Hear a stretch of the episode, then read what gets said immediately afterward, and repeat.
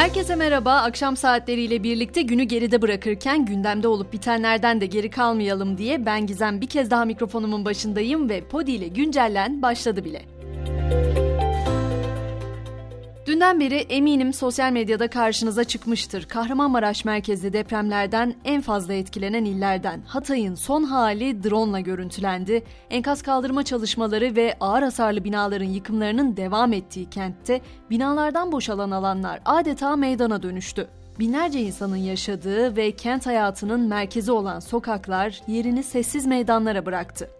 Depremlerin ardından başlatılan soruşturmalardaki son gelişmelere de bakalım. Diyarbakır'da 89 kişiye mezar olan Galerya sitesinin müteahhidi Sedat Eser Ankara'da yakalandı. Depremde ağır hasar alan sitenin 4 bloğundan biri yıkılmıştı. Başkent gündemine geçtiğimizde ise Ankara bugün yeni bir metro hattına kavuştu. AKM Gar Kızılay metro hattı sayesinde başkentliler artık Keçiören'den Kızılay'a aktarmasız gidebilecek. Açılışta konuşan Cumhurbaşkanı Erdoğan ise seçimlerin önemine vurgu yaptı ve 14 Mayıs Cumhuriyetimizin yeni asrındaki yol haritamızı belirleyecek olması bakımından ayrıca ehemmiyetlidir ifadesini kullandı. Millet İttifakı adayı Kılıçdaroğlu ise aday listelerine yönelik tartışmaları değerlendirdi. Kılıçdaroğlu ilk kez 5 parti bir parti logosu altında seçime giriyor, zamanla taşlar yerine oturur dedi. Ata İttifakı'nın adayı Sinan Oğan da bugün Kılıçdaroğlu'nu ziyaret etti. Seçim güvenliği ile ilgili endişeleri olduğunu söyleyen Oğan, oldukça fazla Suriyeli, Iraklı, Afganistanlı ve Pakistanlı seçmen tespit ettik dedi. Bu arada yurt dışı seçmenleri için 27 Nisan'da başlayacak olan oy verme işlemlerinin hangi temsilciliklerde ve tarihlerde yapılacağı ilan edildi. Gurbetçiler 74 ülkedeki 177 temsilcilikte 9 Mayıs'a kadar oy kullanma işlemi yapabilecek. Hemen biraz da ceplerimizi ilgilendiren konulara bakalım. TOKİ 24 Nisan'da yeni bir kampanya başlatacak. TOKİ'den ev, iş yeri ve arsa almış olan vatandaşlara yönelik yapılan kampanya kapsamında konut ve iş yeri için peşin ödemelerde %25, arsa için ise %12,5 indirim sağlanacak. ABD'den ise kritik veriler geldi. Amerika'da enflasyon Mart ayında %0,1 ile beklentilerin altında arttı. Yıllık enflasyonsa %5'e geriledi. ABD enflasyon verisi sonrası altının onsu 2028 dolara kadar yükseldi. İç piyasada da gram altın 1259 lirayla tüm zamanların en yükseğini gördü. Çeyrek altın 2119 lira, Cumhuriyet altını da 8719 liradan satılıyor.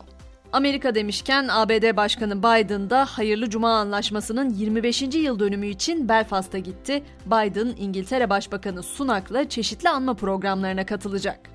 Rusya'nın ise Ukrayna'ya saldırıları bir yılı aşkın bir süredir biliyorsunuz devam ediyor ama Rus lider Putin, ABD Başkanı Biden'ın İrlanda'ya iniş yaptığı sırada gizemli bir yeni kıtalar arası balistik füze denedi. Balistik füze testi Rusya lideri Putin'in kısa bir süre önce Batı'nın tehdidine yönelik Belarus'ta nükleer silah konuşlandırmasının ardından geldi. Putin'in hamlesi güç gösterisi olarak yorumlandı. Avrupa'ya geçtiğimizde Fransa'yı yine grevlerle anıyoruz. Paris'teki çöp toplayıcıları emeklilik reformuna tepki için yarından itibaren süresiz greve gidiyor. Sektör çalışanlarının greve yoğun katılım göstermesi istendi. İtalya ise Akdeniz'den gelen düzensiz göçmenlerin sayısının hızla artması nedeniyle yeni tedbirler aldı. Ülke çapında artan düzensiz göç akınlarını yönetebilmek için 6 ay süreli olağanüstü hal ilan edildi. Korkutan haberse yine Çin'den dünyada kuş gribi virüsü kaynaklı ilk insan ölümü gerçekleşti ve hastalığın ilk kurbanı Çin'de yaşayan 56 yaşındaki bir kadın oldu. İyi haberse kuş gribinin pandemiye neden olma riskinin düşük olduğunun belirtiliyor olması.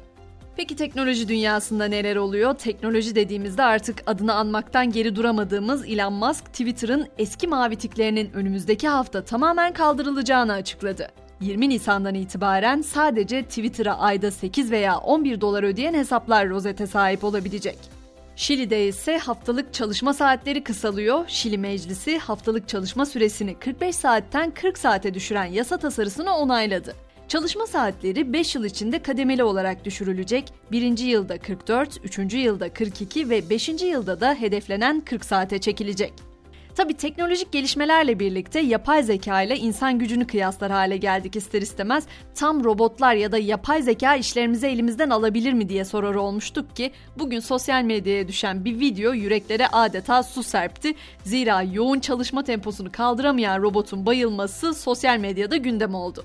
Yine sosyal medyada bugünün çok konuşulan ben işte böyle bir iş istiyorum dedirten haberi ise aile dizisindeki gelin maaşı meselesi oldu. Artık spor diyelim 120 yıllık iki köklü camia Beşiktaş ve Atletico Madrid bugün deprem bölgesine yardım için sahaya çıkacak. Mücadele saat 20.30'da başlayacak.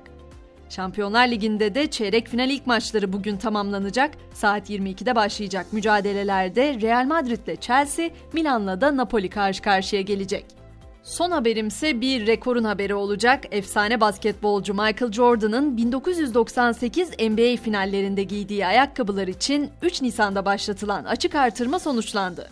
2,2 milyon dolara alıcı bulan ayakkabılar satılan en pahalı spor ayakkabı olarak rekor kırdı.